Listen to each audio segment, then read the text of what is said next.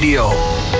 Nou, welkom bij een bijzondere uitzending op All Sports Radio. Want vandaag gaan we het hebben over het handboek Topsport. En dat ga ik doen in de studio met de auteur van dat handboek. Namelijk atletiekcoach, sportbestuurder en voormalig chef de mission Charles van Commenay.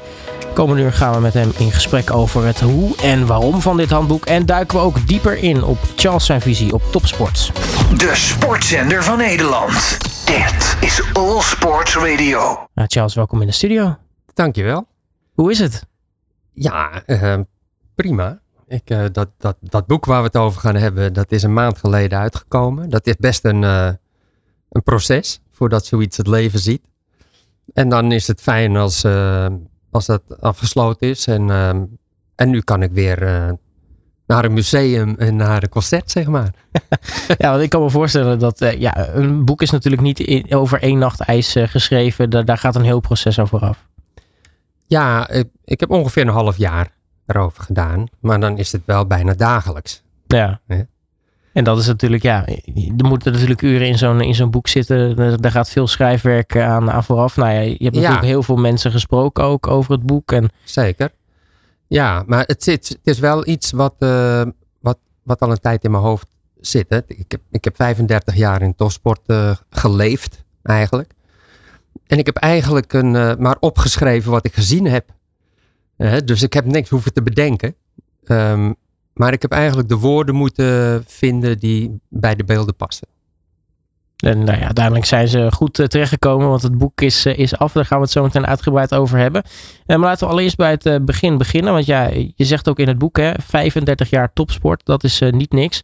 En daar is volgens mij in, in, in zoveel tijd komt er ontzettend veel op je af. Ja, ik heb ehm, van origine kom ik uit de atletiek. En daar ben ik ook geëindigd. Maar ik heb in de tussentijd ook acht jaar bij NOC-NSF gewerkt in eh, een aantal functies. Waardoor ik ook de gelegenheid heb gehad om te kijken in de keuken van andere sporten. Eh, sporten als schaatsen, roeien, short track, eh, handbal. Dus dat, dat verrijkt ehm, mijn, mijn kijk die ik al had ontwikkeld in de atletiek. En ehm, ja, een chef de mission ben ik geweest. Maar ik heb ook voor die tijd, in het begin, heb ik gewoon 10, 12-jarigen gecoacht en getraind. Dat is eigenlijk meer trainen. Eh, dat heet dan geen topsport, maar die reken ik dan niet in die 35 jaar. Maar ik heb wel de hele, hele traject gedaan van 10-jarige meisjes die voor het eerst op atletiek komen. Tot en met ehm, ja, Olympische Spelen in Londen, waar ik in charge was van het Britse team. Dus het hele spectrum heb ik gedaan. Ja, nu ben ik eigenlijk wel benieuwd. Want nu heb je een kijkje in allerlei topsportkeukens gehad. Je komt zelf uit eh, de atletiek. Ehm, atletiek blijft denk ik gewoon het mooiste wat er is voor jou. Oeh, nou, dat, eh, ehm, eh, niet, niet per se. Want ik was, dit was wel toen ik, toen ik bij NOC ging werken als technisch directeur. Toen werden door mijn vrienden wat grapjes gemaakt. Van, oh, maar dan moet je ook naar de paarden. En dan moet je ook, eh, en dan moet je daar ook paardvoltige en zo. Hè? En eh, uit de atletiek komend denk je eh, soms, nou, laten we zeggen, dat roept je niet direct. Maar na afloop van de jaren, als ik dan terugkijk naar wat ik, wat ik dan beleefd heb en wat ik gezien heb, ja, dat is echt fantastisch. En dan kan ik niet zeggen dat dat minder mooi is of minder enerverend dan atletiek. Het is eh, uit- uiteraard eh, doorgrond ik atletiek meer. Maar de spanning van een, eh, een WK-finale met eh, bijvoorbeeld de paarden. Ik kan nog goed herinneren een WK-finale in Aken. Waarin de laatste ronde beslist is met het laatste paard. Van of hij nou wel of niet die laatste hindernis neemt. Ja, dat is niet anders dan ehm, een, een, een 100 meter finale wat mij betreft. Ja, nu ben ik eigenlijk wel benieuwd. Want het, het- je, je komt toch ergens een keer in topsport terecht. Waar is dat voor jou begonnen? Ehm, geleidelijk aan. dus ehm, ja, er zit een hoop toeval in, in, in welke sport je belandt vaak. Men- meestal is het wat je ouders doen. Maar in dit geval was het alleen maar eh, omdat het jongetje wat met mij wachtte op de bus die naar het zwemles ging. Die zat toevallig op atletiek. en die was negen jaar oud en ik ging met hem mee. Ik ben nooit meer weg geweest. Eh, maar zo kom je in een sport. En toen ben ik op mijn eh, negentiende, um, kon ik niet meer zelf atletiek goed doen vanwege uh, blessures, met name mijn rug. En toen ben ik training gaan geven, omdat ik vond atletiek leuk. En als, als student heb ik ook uh, zakcentje nodig, dus ik gaf training. En dat is een beetje uit de hand gelopen. Dus uh, wat twee keer in de week op een dinsdag en donderdagavond begint. Um, ja, um, je doet even je ogen dicht. Je opent ze weer en je ziet een Olympische vlam. En um, in, in, die, in die reis uh, heb ik stapje voor stapje gemaakt. En dus de, van 12-jarige ga je 16-jarige trainen. En dan vanuit de club naar het district. En vanuit het district wordt een keer benaderd om bondscoach te worden. En dan um, nou, ging best goed. En ik trainde een aantal uh, ook buitenlandse atleten. Eentje wordt Olympisch kampioen op de zevenkamp. Vervolgens word ik door Engel, want dat was een Engelse. En ik word door de Engelse bond gevraagd. Nou, vanuit, ja, het is geleidelijk gegaan. Maar er zit een hoop toeval ook in. Ja, eh, ze, ze noemen dat zo mooi. Het sneeuwbouweffect. Hè? Het begint klein, het begint te rollen en het wordt steeds groter. Ja, ja. ja dat klopt. Maar uh, ik wil nou niet zeggen dat het helemaal afhankelijk is van het, de factor toeval. Want je moet natuurlijk ook uh, je opleidingen doen. En dat is natuurlijk een, een bewust besluit om dat te doen en daar je tijd in te stoppen. En, en onderweg kom je een aantal keer op een T-splitsing. En dan moet je ook uh, de goede splitsing, maken, ja. de goede keuze maken. Hè? dus bijvoorbeeld, um, ja, ik, ik, ik, ik ben gelukkig in Nederland en ik krijg de mogelijkheid om in Engeland te werken. Ja, dat is wel een, een stap. Hè? Um, dat heeft veel consequenties. Ik, ik, collega, vrienden van mij hebben twee keer de gelegenheid gehad ook in het buitenland te werken. Die kiezen dan voor het gezinsleven thuis en verhuizen niet. En, en nemen een andere afslag in het leven. Nou, ik maak bepaalde keuzes wel. En, dat heeft tot, uh, geleid tot dat ik zelfs een boek heb kunnen schrijven. maar dan ben ik eigenlijk wel benieuwd. Dat je zit al heel lang in, in ook de atletiek. Je, je hebt de, de sport nou ja, vanaf het zelf beoefenen uh, meegemaakt tot, uh, tot wat het nu is. Ja. In ho hoeverre is de sport veranderd in, in die jaren? Uh, niet veel. Um, maar de Nederlandse atletiek is wel veranderd. dus als ik kijk naar wat, wat hoe de atletiek zich manifesteerde in de jaren 80 bijvoorbeeld, begin jaren en nu is dat niet zoveel verschillend. Uh, in die zin dat er minder dopinggebruik is, dat dan wel. Um, en ook is het meer uh, wereldwijd geworden. Hè? Dus um, er zijn uh, ongeveer 50 landen die op een WK of een Olympische Spelen medailles winnen. Nou, dat was in de jaren 80 nog niet de helft. Maar um, de Nederlandse atletiek heeft zich natuurlijk enorm gemanifesteerd. Uh, waar we uh, in de jaren negentig nog naar een wereldkampioenschap gingen met het doel om uh, bijvoorbeeld twee top 8 posities te halen. Komen we nu terug met acht medailles en dan is de goede quizvraag van wie heeft brons gewonnen? Ja, precies. Ja? Dus daar is een enorme, enorme lift gekregen. De hele Nederlandse sport trouwens. Topsport. Hè, er zit een aantal, dan is jouw vraag natuurlijk, hoe komt dat dan? Um, uh, daar zit een aantal algemeenheden in die voor alle sporten gelden. Uh, bijvoorbeeld, er is een stipendium vrijgekomen, waardoor topsporters op een bepaald niveau, top 8 in de wereld, krijgen financiële ondersteuning. Er is gecentraliseerd bij diverse sporten, waardoor de beste coaches de beste sporters trainen, de beste omstandigheden. Dit geldt voor uh, uh, roeien, dit geldt voor zeilen, dit geldt voor een aantal sporten, maar ook atletiek. Uh, en die infrastructuur die is, ehm, die is ontstaan zo om en bij 2000, 2005 zo. En dan, dan heeft het een aantal jaren nodig om eh, te groeien. En dan worden nu de laatste jaren vooral de vruchten van geplukt. En um, maar dan moet je toch op enig moment, dat is wel een aardige anekdote. In het jaar 2005, toen was ik technisch directeur van, uh, van NOC-NSF. En uh, uh, de atletiek kreeg uh, ook de kans om ehm, acht voltijds coaches aan te stellen. Waardoor, waardoor, waarbij er vier gefinancierd werden door NOC-NSF en vier door de Atletiekunie. Ze hadden op dat moment uh, anderhalve coach. Nou, dat is echt wel een, een, een, een cruciaal moment. Wat doe je dan? En um, toen heeft uh, na lang wikken en wegen heeft de Atletiekunie uh, besloten om dat te doen. Hè? Dus het, het aanbod was 4 om 4. Maar ze wilden natuurlijk eerst 2 uh, om 2 of 3. Nou, daar ging mm. niet mee akkoord. 4 om 4. Um, en dan staan er op een moment acht coaches op Papendal. Terwijl er geen eens acht, acht sporters zijn, bij wijze van spreken. Ja.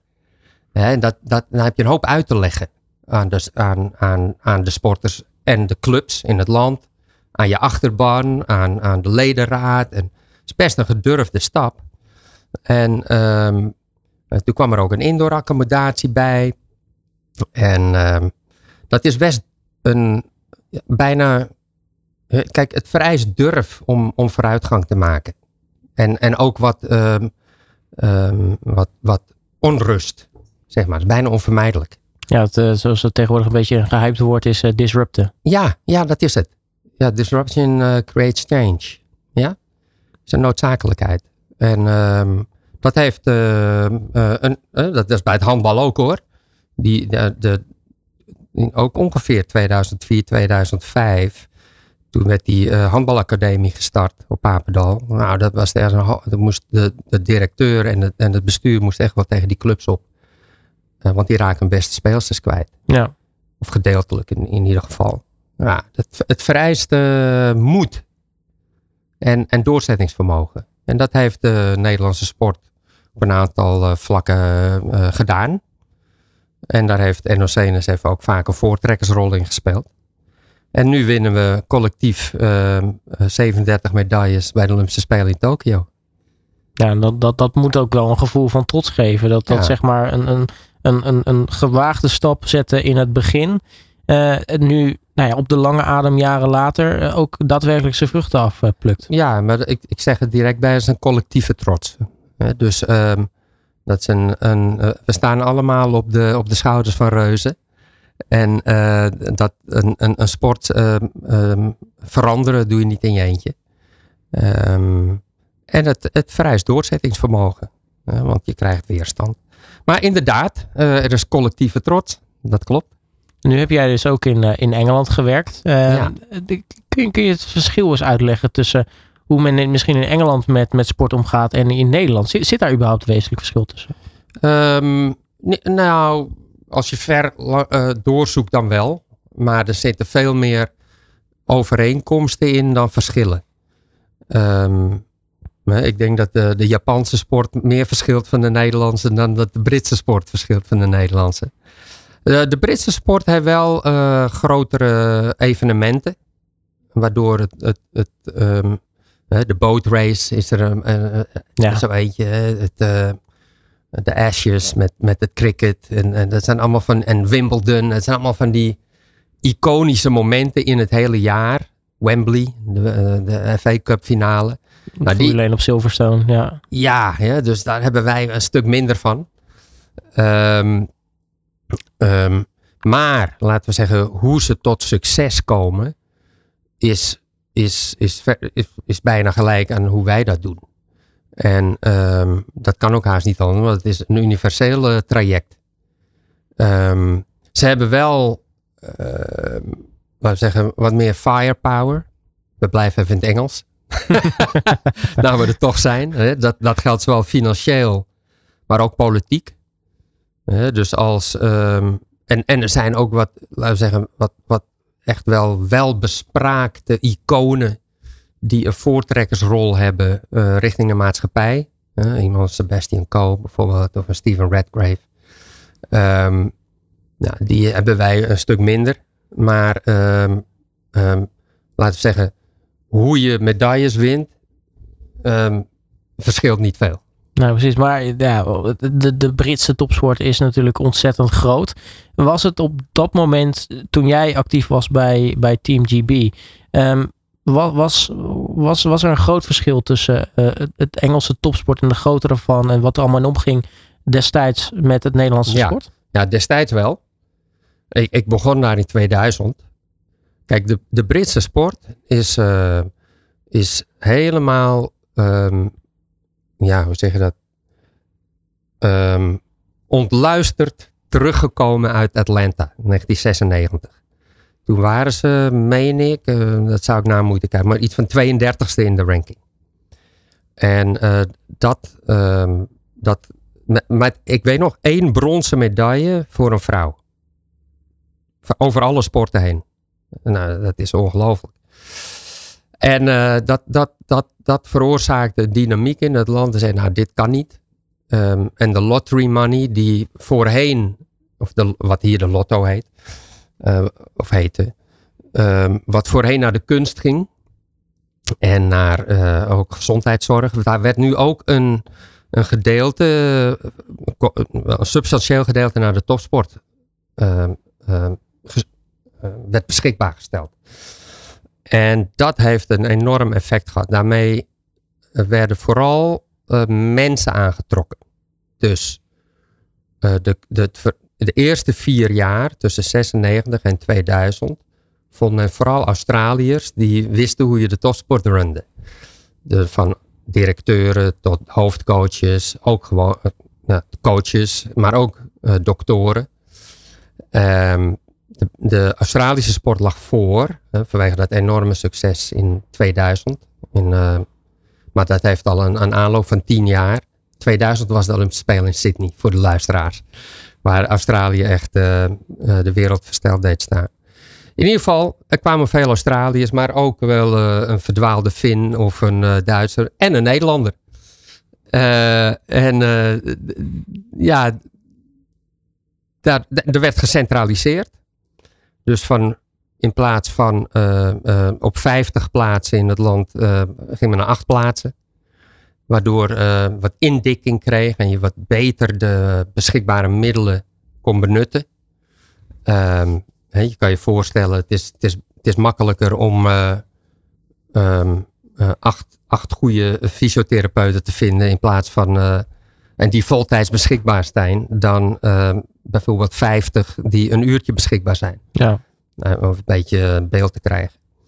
Dus um, mensen aantrekken, beschikbare middelen en indikking. Dat waren de grote factoren. En eigenlijk heeft de Nederlandse sport dat een aantal jaren later ook gedaan. Nou, ze zagen dat uh, dat werkte wel. Ja, maar het is ook wel wat je in veel landen ziet die succesvol zijn. Waar je bijvoorbeeld in, in Duitsland het omgekeerde ziet, dan zie je ook de resultaten afbrokkelen. Ja. Maar nu ben ik al benieuwd, want nou, je zei al, hè, een verdwaalde Fin, een, een verdwaalde Duitser en een Nederlander. Hoe kwamen ze bij jou terecht? Um, nou, ik, ik coachte Denise Lewis. En um, um, zij won uh, goud in, in, uh, op de Zevenkamp in Sydney. Maar ik was al in die jaren. Maar wij, wij trainden vooral vanuit Amsterdam. Maar ik werd wel vaak. Ik ging mee op trainingskamp en uh, met de Britten. En ik gaf lezingen hier en daar. En ik werd geconsulteerd door collega's. En toen dacht ze: ah, deze vent is meerwaarde voor ons. Nou, dus en dan komt er een, uh, de vraag van, wil je, wil je verhuizen eigenlijk? Ja. ja. Hoe moest je daar lang over nadenken? Nou, die keer niet zo. Waar ik heel lang over moest nadenken. Want het is, kijk, het, je moet het een beetje voorstellen alsof een, uh, een, een schaatscoach uit Zimbabwe gevraagd wordt om een Nederlandse schaatsteam te leiden. Zo. Zo, dan heb je een beetje het beeld. Ja. Een beetje Mickey Mouse wordt gevraagd. Maar uh, dat, zijn die, dat vond ik erg eervol. Maar um, uh, toen, uh, via daarna, werd ik gevraagd om bij NOC-NSF technisch directeur te zijn. En dat deed ik met heel veel plezier. En, en, en, en, en ja, ook hard gewerkt, maar ook, het was gewoon met hele goede collega's, hebben veel bereikt veel, veel weten te bouwen aan het systeem. En toen kreeg ik via daarna, in 2008, weer het verzoek om naar Engeland terug te komen. En die vond ik moeilijk. Daar heb ik lang, daar heb ik lang over gedaan. Um, de, want ik had het echt, echt naar mijn zin. Ik had net zo goed een muntje op kunnen gooien. Maar uh, de afdronk was toch dat ik in, uh, in, naar Engeland terugging. En dat wat eigenlijk doorslaggevend was, was dat de Spelen thuis waren. In het vier jaar later in Londen. En ja, dat is een eenmalige kans. Ja, en, en we weten allemaal nog, Londen was ook echt een fantastische speler. Ja, ja, ja. Ja, als ik, als ik terugkijk, ik ben nu in de positie dat ik vooral terug kan kijken. uh, hoewel ik ook nog wel in het heden uh, bemoeienis heb. Uh, in, in, in, dus ik help nog een paar atleten op de achtergrond. Maar ja, in grotendeels kijk ik terug. En dan is voor mij Londen 2012 wel het meest bijzondere moment. Ja, en het was ook volgens mij voor Team GB ook een fantastische speler ook. Zeker. Um, en dat lag, uh, dat was lang niet alleen maar um, uh, resultaat. Dat was het hele evenement en de beleving die om het evenement hing. Ik, uh, ik, ik uh, de, nog steeds, hè, dus als, ik, als ik mensen tegenkom vanuit collega's uit de hele wereld, die, die ook zij herinneren Londen als het hoogtepunt van, nou, hoe lang gaat ieders geheugen terug? 30, 40 jaar ongeveer. Um, en um, dat zat hem ook in het werk wat de vrijwilligers leverden. We hadden ook geluk met het weer. Het was niet typisch Brits weer. Nee, dat was wel een hele grote massa. Ja, ja. Uh, ik, ik kan me nog goed herinneren. Ik kwam uh, zo'n atletiektoernooi, dat duurt negen dagen. En de laatste dag is het ook dan is de marathon. En de marathon vindt niet plaats in het Olympisch Stadion, maar vlakbij Buckingham Palace. En dat was het eerste moment dat ik uit de Olympic Bubble, uit. Je, bent, moet, je, je gaat eerst drie weken op trainingstage ergens in Portugal. Dan, je komt niet in contact met andere mensen. En je komt in het Olympisch dorp en je ziet alleen nog het dorp en, en het stadion. Maar dit, de laatste dag was de eerste dag dat ik uit de bubbel kom. En ik neem de underground naar Buckingham Palace. En ik voel daar pas wat het gedaan heeft met de stad. Want je stapt in de metro en, en je wordt eigenlijk op een wolk meegedragen. Ik, ik was met twee collega's. En, ehm, en we stappen die metro uit in een zee van vlaggen en trots en blijheid. En, en er werd diverse keren, hey, you guys lifted the nation. En, en dat is iets wat, uh, ja, ben ik nooit vergeten. Omdat daar ook heel veel uh, betekenis uh, van topsport uitspreekt. Ja. die collectieve blijheid en trots is iets wat, wat sport teweeg kan brengen. Wat als we het daar toch over hebben. Hoe, hoe, is de, hoe is de sportbelevenis eigenlijk bij het Britse publiek ten opzichte van het Nederlands publiek? Um, nou, het, het verschil zit hem hierin, is dat het ehm, de succesbeleving en trots, die is eigenlijk meer het hele jaar door. In Nederland kent vooral pieken. En dan verdwijnt het weer. Ja. dus even het Nederlands elftal speelt. Of heeft even succes. Of uh, er is iets met schaatsen. Of toevallig is er een, uh, een WK hockeyfinale op een zondagmiddag in augustus. Nou, dan zijn we even oranje en op maandag niet meer.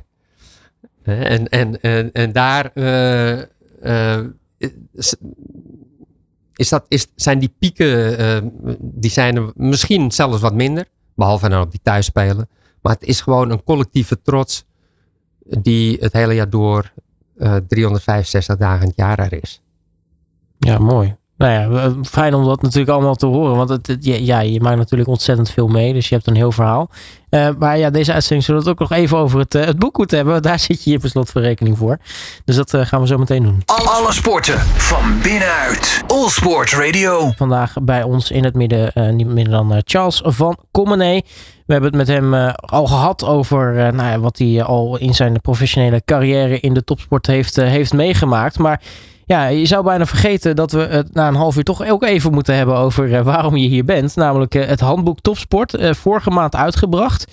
Um, ook een heel event daaromheen. Hoe was dat? dat ja, oh ja, was fantastisch. Um, um, er waren zo'n bijna 200 mensen om dat moment op te luisteren.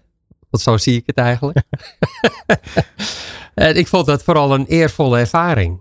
Er waren behoorlijk wat prominenten ook. En nou, het is gewoon mooi als mensen de moeite nemen om, om daar naartoe te komen. Nou, ja, het is natuurlijk net zo makkelijk om nee te zeggen, maar... Ja, behalve, ja wat ook wel leuk is, we hadden um, eh, twee eerdere locaties, die moesten we afzeggen. Omdat eh, de groep te groot werd. En, eh, eh, en, eh, dus we moesten naar een, een grotere plek steeds. Nou, dat is op zich wel een mooi teken. Luxe probleem. Ja, zeker. Hey, ehm, ja, het handboek Topsport. eh, in het begin had je het al kort over. Eh, het, het, je hebt er ongeveer een halfjaartje gedaan om het, eh, om het allemaal op te tekenen. Maar er gaat natuurlijk heel wat ervaring aan, aan vooraf. Ehm, dan is natuurlijk de, de, grote, de grote vraag, is, is, is, is de waarom. Waarom ben je met dit boek gekomen? Nou, omdat ik. er wordt vaak snel geoordeeld de laatste jaren. Of dat nou door eh, journalisten gebeurt of door ehm, eh, onderzoeksbureaus. Er zijn nog wel eens. Een beeld ontstaat wel eens dat het niet pluis is in de topsport.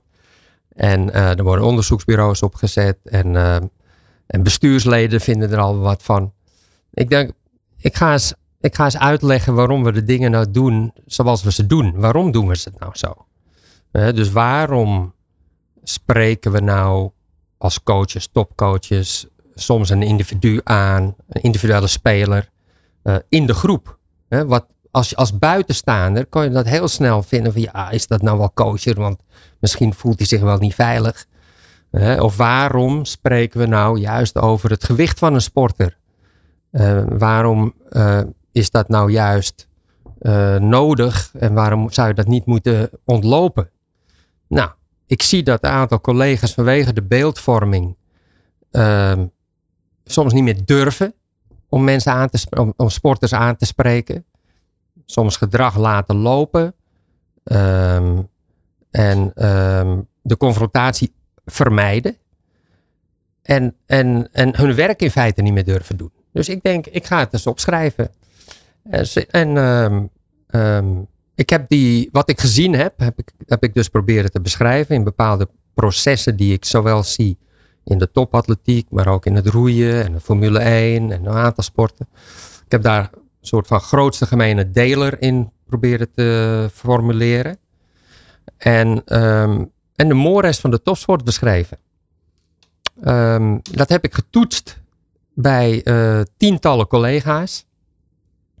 Vele van hen eh, voelden zich ook eh, vrij om, om hun naam eraan te verbinden, die dat willen uitdragen. Zeiden, nou, zo zien we dat ook. Hè? Een Jacco Verhaar of een Marijn Zeeman of een eh, Robert Eenhoorn. En ehm, nou, zo ontstaat er een beeld van, nou, ehm, zo ziet het eruit in de topsport. Ja. En nou ja, de, de titel doet wellicht vermoeden dat het eh, nou ja, een, een handboek is voor mensen in de topsportwereld. Maar het is juist bedoeld voor eh, mensen in, in eigenlijk de schil daaromheen. Of met Ja. interesse in de topsport. Hè? E- Exact dat. Eh, wat zij die erin zijn, die, ehm, die weten het wel. Ja.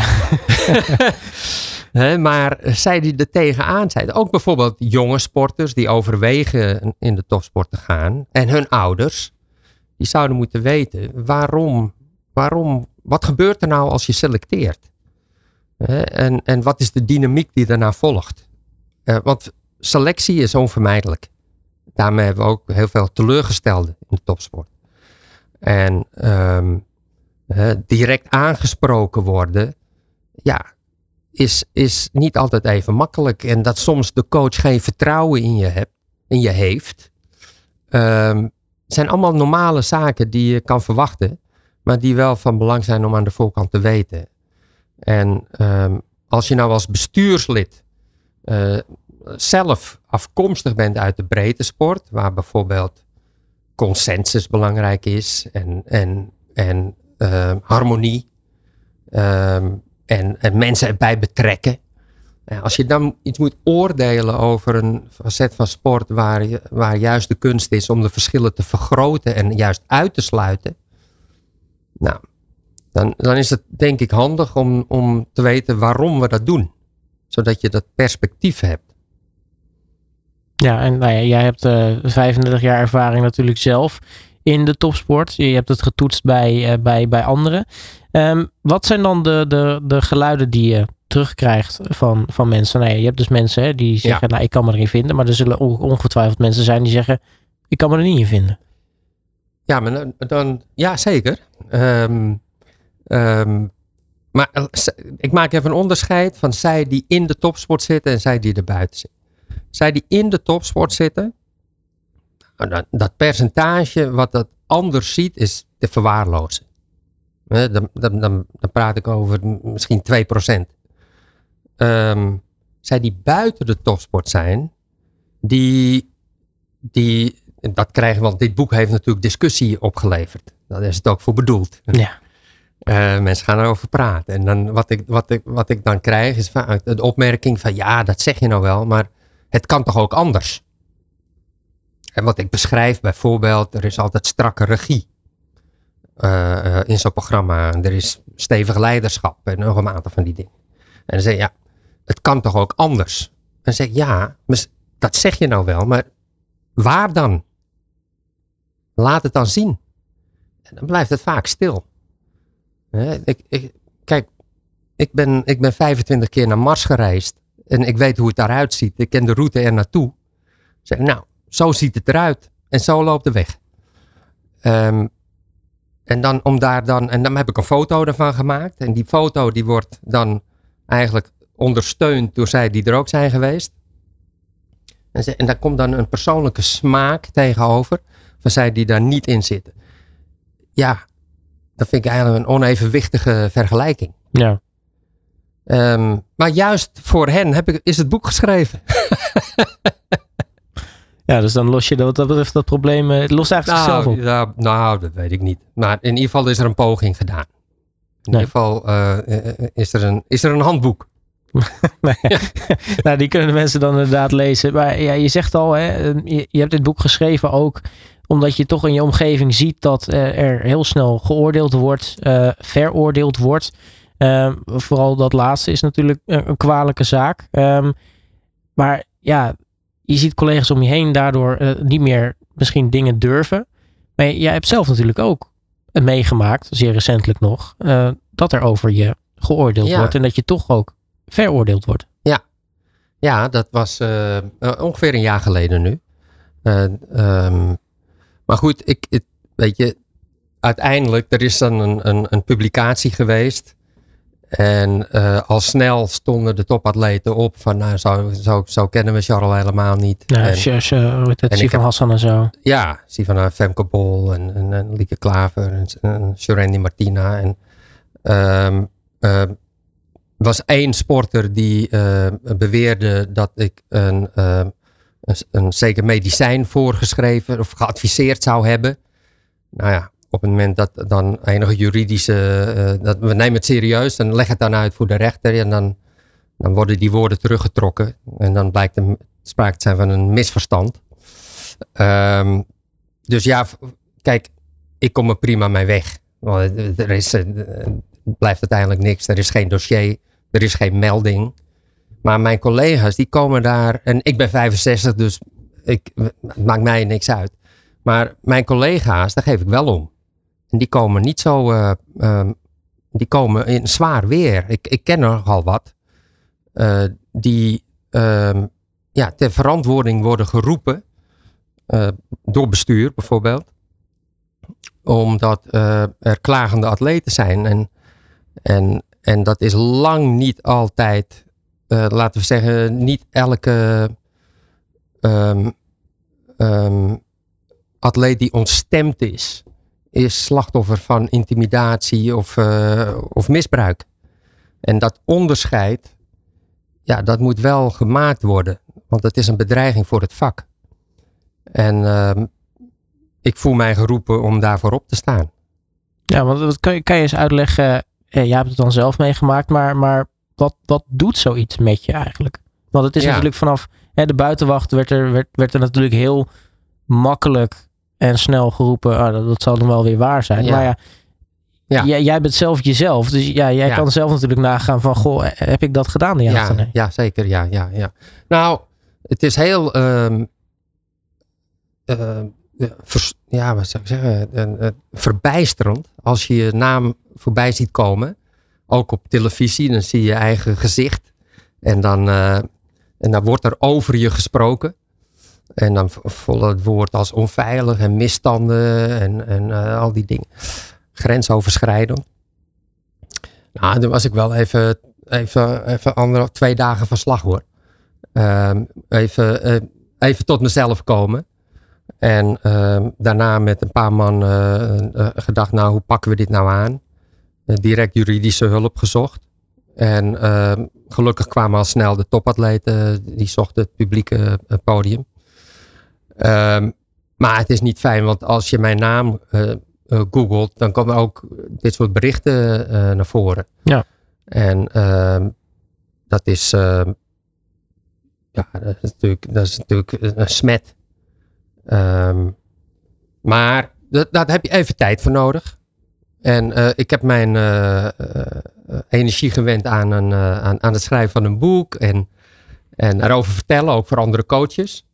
Nou, hoe, hoe kun je daarmee omgaan op het moment dat Ja, het jou zelf ja. overkomt? Ja, ik, ik heb ook voor het Nationaal Coach Platform gesproken. En ook eh, be- eh, benaderen individuele coaches mij. Want die denken, hey, die heeft Kommerij, die heeft dat, eh, die heeft dat prima gedaan. En hoe- heb je nog advies? Dus ehm, daar zit dan wel weer een goede kant aan. Maar het is, het is ehm, ja, ik, het- kijk, je ziet wel natuurlijk ook, ehm, het is inmiddels een jaar verder. Hè, als je dan eh, meekrijgt hoe bijvoorbeeld bij een, eh, de Kamervoorzitter Ariep, wat er dan overblijft. Dat is ook niet meer dan een, een paar man die ont- ontregeld zijn vanwege stemverheffing. Nou, dat zie ik bij heel veel gevallen zo. Eh, dus ik denk ook wel dat er nu eh, een, een, een genuanceerder beeld is. Zo van, ja, wacht even. Is dat wel zo? Ja. Dat is wel ontstaan. Ja, dat er meer dan een geval jaar geleden. ja, dat er wel een gedegen onderzoek naar komt Ja. van, goh, hè, zeggen we wel zo makkelijk, maar is het Ja. ook wel echt gebeurd? Is dat wel zo? Dat is altijd een goede vraag om te stellen hè, in het leven. Ja. Maar nu, nu ben ik wel benieuwd, want ja, je, je zegt dan, hè, ik zie mezelf dan op, eh, op televisie, er, er wordt over me gepraat.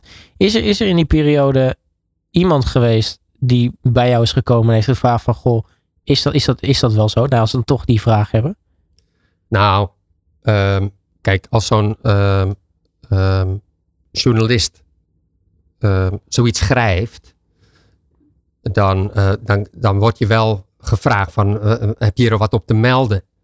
Ja, dan moet je bij wijze van spreken in een paar seconden of in een, halve dag moet je iets vinden. Terwijl er ehm, eh, eh, een jaar aan gewerkt lijkt te zijn. Althans, dat wordt gesteld. Dat is niet te doen. Dus eh, ik zeg, laat me lopen. Ik, eh, ik merk het wel. Verder is er nooit meer wat gevraagd.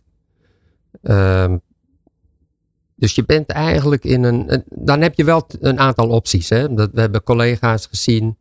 Maar ook ehm, eh, Tom Egbers bij de NOS. Die, die actief het podium zoekt. Om zijn kant van het verhaal te vertellen. Dus dat kan je altijd doen. Hè? Zeker met social media. Ehm, maar ik heb besloten dat niet te doen. Ik heb eh, gedacht, ehm, wat de sporters zeggen, vind ik eh, erg belangrijk. En ehm, er komt voldoende eh, duidelijkheid als, als er gesproken wordt over het boek. In, zoals een gesprek als deze, kan je dingen uitleggen. Eh, dat is voor mij, eh, ehm, dat, ik zou dat iedereen aanraden. Niet direct reageren. Nee. En, en wat dus ook, nou ja, veel spreekt is, is dat, dat anderen voor jou spreken. In ja, natuurlijk, dat helpt. Ja. Tuurlijk. Het is altijd veel sterker. Ja, uiteraard. Maar eh, terug naar dat handboek, want nou ja, we kennen dan nu het waarom. Nou, je hebt zelf ook in die situatie gezeten. Ehm, het boek zelf, hoe, hoe deel je dat op? Want nou ja, je, je kunt natuurlijk een handboek op heel veel verschillende manieren schrijven. Maar hoe, hoe heb jij daarover nagedacht en wat dacht je van, nou, uiteindelijk is dit de juiste manier om, om dit boek zo te maken? Ja, de structuur. Ja. Nou, de belangrijkste eh, uitdaging was hier de beperking.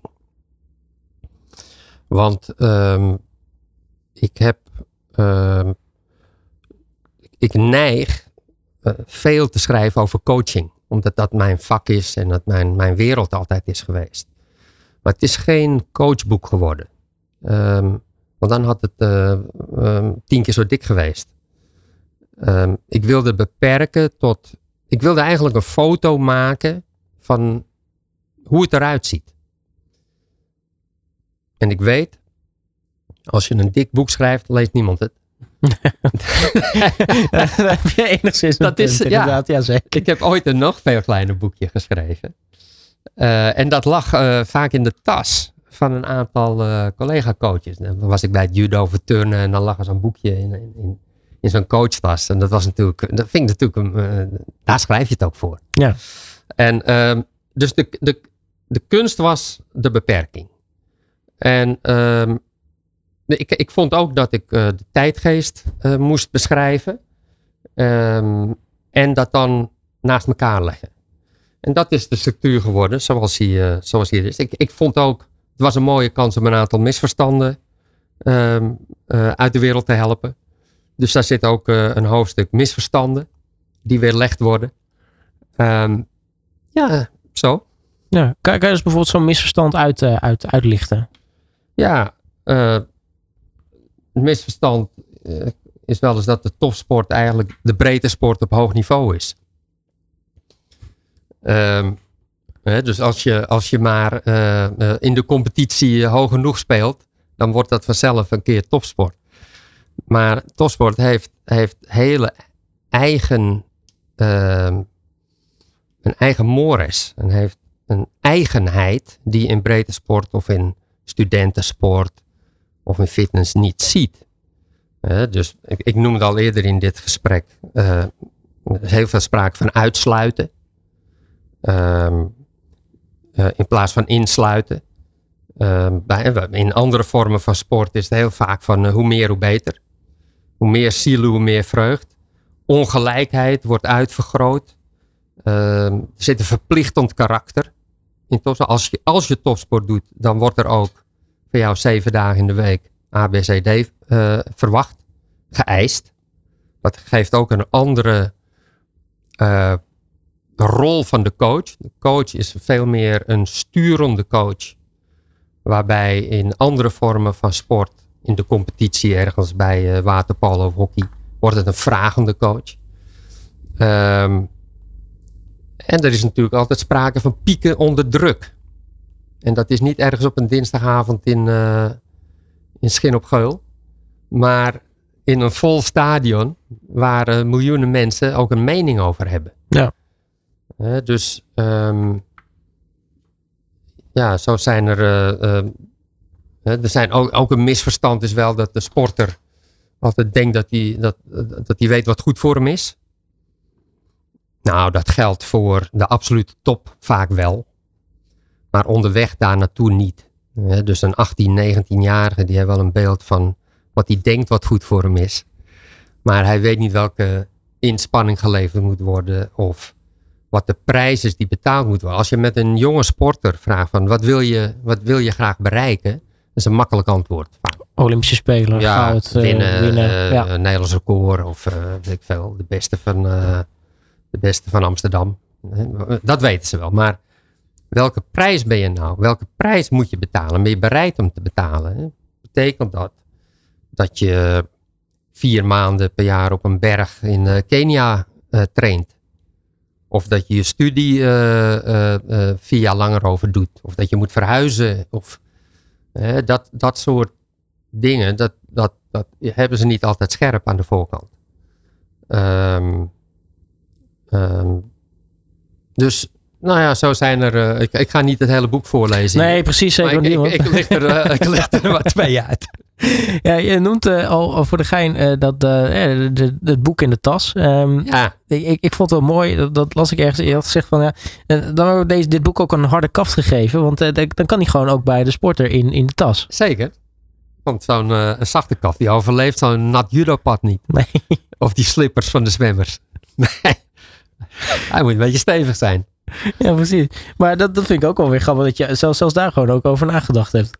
Nou, het kwam door dat eerdere kleinere boekje wat ik, wat ik zag. En uh, dan, uh, hij moet robuust zijn. Hij moet, nou ja, dat, dat is hij zeker. Want uh, nou ja, als, je, als je deze op je laat vallen, dan kan het nog wel eens ah. behoorlijk pijn doen. um, maar goed, dus ja, je hebt het ook over misverstanden, maar natuurlijk ook gewoon over de, de topsportcultuur. Want ik, ik denk ook heel veel mensen die ja. Een beetje misschien om de topsport heen hangen of er niet helemaal in zitten, is, is dat ze vergeten hoe apart topsport eigenlijk is. Ja, um, maar het is, er zijn ook een aantal dingen die, die ik, ik zal ze zo wel op, opnoemen wat, wat er nou zo apart aan is. Maar het is ook weer niet een, een secte. Hè? Het is niet zo dat topsport zich onttrekt aan aantal waarden in de maatschappij in Nederland. Ook, ook, ook in de topsport wordt fatsoen en respect uh, gevraagd. Dus het is niet een, een eiland. Um, maar uh, een topsportcultuur, want dat woord noemde je. Um, dat, dat woord wordt natuurlijk wel vaak gebruikt, maar zonder dat er nou direct um, een concrete beeld bij is wat dat nou behelst. Um, maar kijk, het betekent dat sowieso in die cultuur waarin, die wordt natuurlijk bepaald door mensen, hè? een mhm. groep mensen bij elkaar. Topsportcultuur wordt niet gemaakt door een, een, uh, een nieuw trainingscentrum waarbij uh, alle douches uh, werken en het schoon is. Dat wordt nog wel eens gedacht of een, of een nieuw stadion of zo. Maar nee, een, een wordt bepaald door een aantal factoren als dat, dat, dat, dat er elke dag hoge verwachtingen zijn van je. Want op het moment dat jij dat niet doet, dat je dingen verslonst, dan doet iemand anders in Jamaica of in China dat niet. Dus je, en er is altijd tijdsdruk. Want je hebt maar een jaar of tien om het te doen. Uh, het is wat anders dan dat je uh, in andere uh, facetten van de maatschappij, waar je een, beroep, een radiomaker, kan je 30, 40 jaar doen. Ik hoop langer trouwens. Langer, nog mooier. kan ik me voorstellen maar uh, je zit onder tijdsdruk waardoor je geen fouten mag maken. Want een, een foute route is tijdverlies.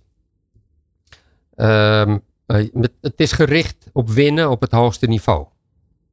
Ja, dat betekent dat de marges smal zijn.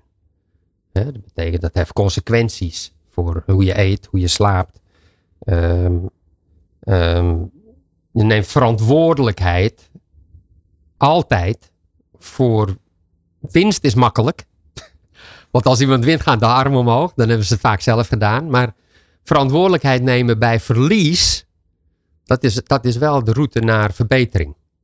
Het is heel makkelijk om met vingers te wijzen naar uh, het slechte weer of de, het ijs wat uh, nou net in jouw rit niet goed was. Of de coach die er niet was voor je. Of slechte nachtrust.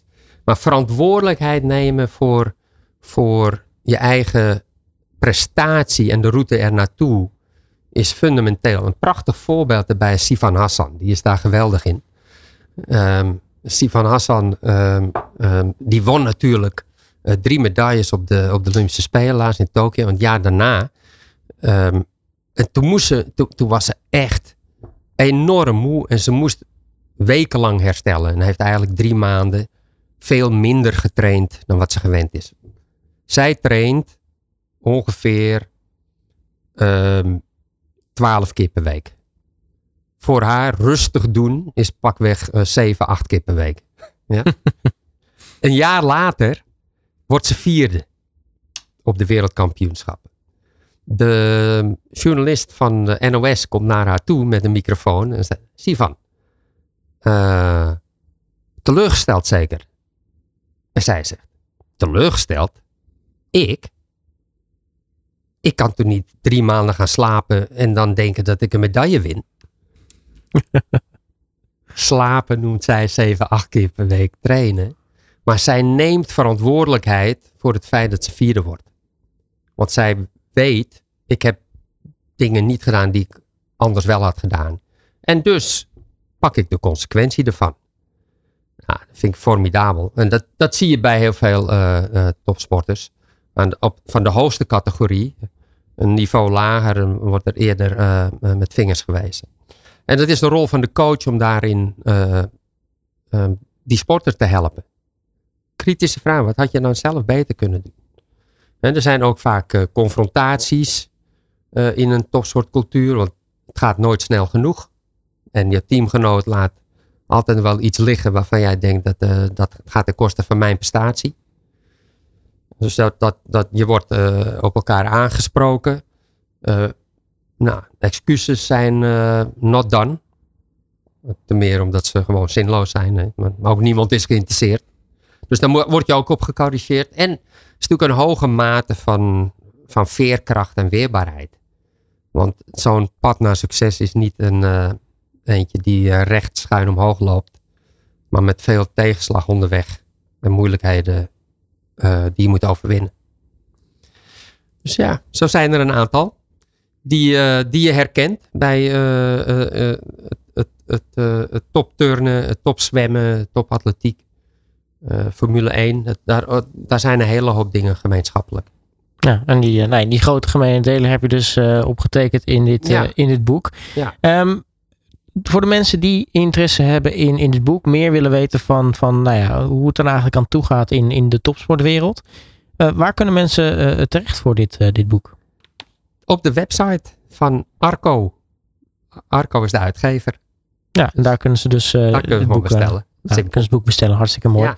Krijgen ze nog een persoonlijk bericht van jou erbij? Of, Zeker. Hartstikke Komt eraan. mooi. Gaan we voor zitten. Nee, uh, maar nu is dit boek natuurlijk uit. Uh, we weten, nou ja, op, op de achtergrond, je bent nog wel betrokken bij, bij wat atleten, maar uh, je bent wat dat betreft wel wat, wat meer terug, teruggekomen uit, uit de sport. Um, waar, waar, waar, ligt jouw toekomst? Waar, waar, waar wil, wat wil je zelf nog, nog doen? Zijn, zijn er nog, nog doelen, plannen? Of, of is het, heb je het wel een beetje gezien nu? Nou, ik, ik, uh, ik ben altijd getriggerd door uh, het helpen van uh, collega-coaches. Dus coachopleiding is iets waar ik me altijd voor inzet. Dat doe ik voor World Athletics. Dat is zeg maar, de, de overkoepelende organisatie van de internationale atletiek en de European. IAF. Zeg dat heette vroeger IWF, maar heet nu World Athletics. Ook wel een stuk makkelijker trouwens. Ja, ja. en zo hebben we ook European Athletics. Dus, dus ik reis nog wel wat.